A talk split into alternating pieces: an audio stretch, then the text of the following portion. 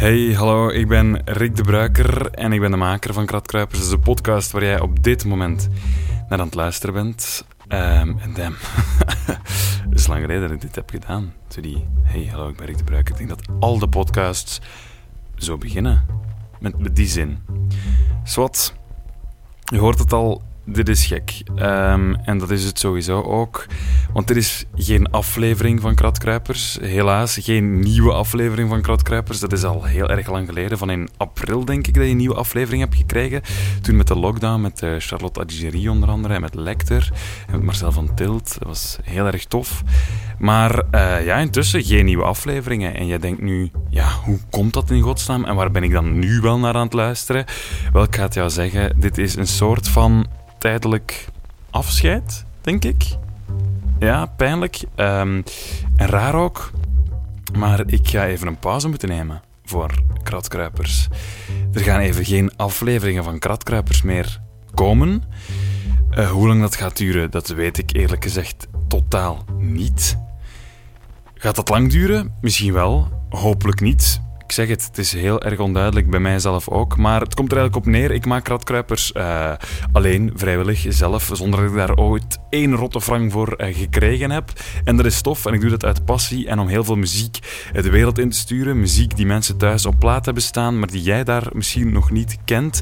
En dat vind ik zalig, heerlijk en dat zou ik altijd kunnen doen.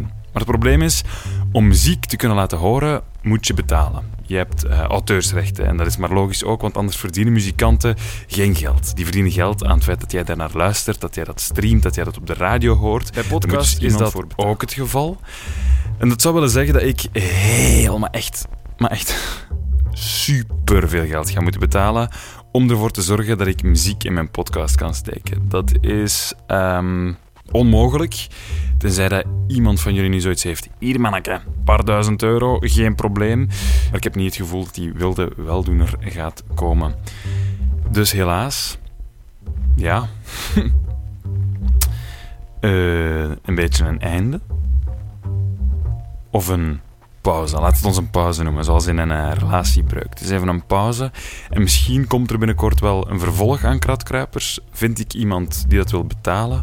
Of vind ik een of andere mediapartner die mijn afleveringen naar buiten wil brengen? Dat zou heel erg tof zijn. Maar tot die tijd, helaas, hier heel weinig te zien op die podcaststream. Maar je hebt geluk, want ik blijf wel podcasts maken voor andere partijen, onder andere. Bij Stubru komt er binnenkort een podcast uit.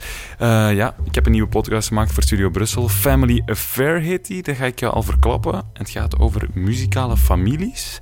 Ik ben gaan praten met een paar uh, ja, heel erg interessante Belgische muzikale families. Als jij die wil horen of je wil op de hoogte blijven, dan moet je het kanaal van Studio Brussel gaan zoeken op de podcast-app en je daar abonneren. En dan krijg je die sowieso binnen vanaf 14 oktober. Dus ja, het voelt raar. Ik ga het jou zeggen, het voelt raar. Eh, gek. Um, bijna emotioneel. maar dat is een beetje over. Maar kijk, steek het op die auteursrechten, steek het op die muziek. Maar het is geen uh, einde, het is een afscheid.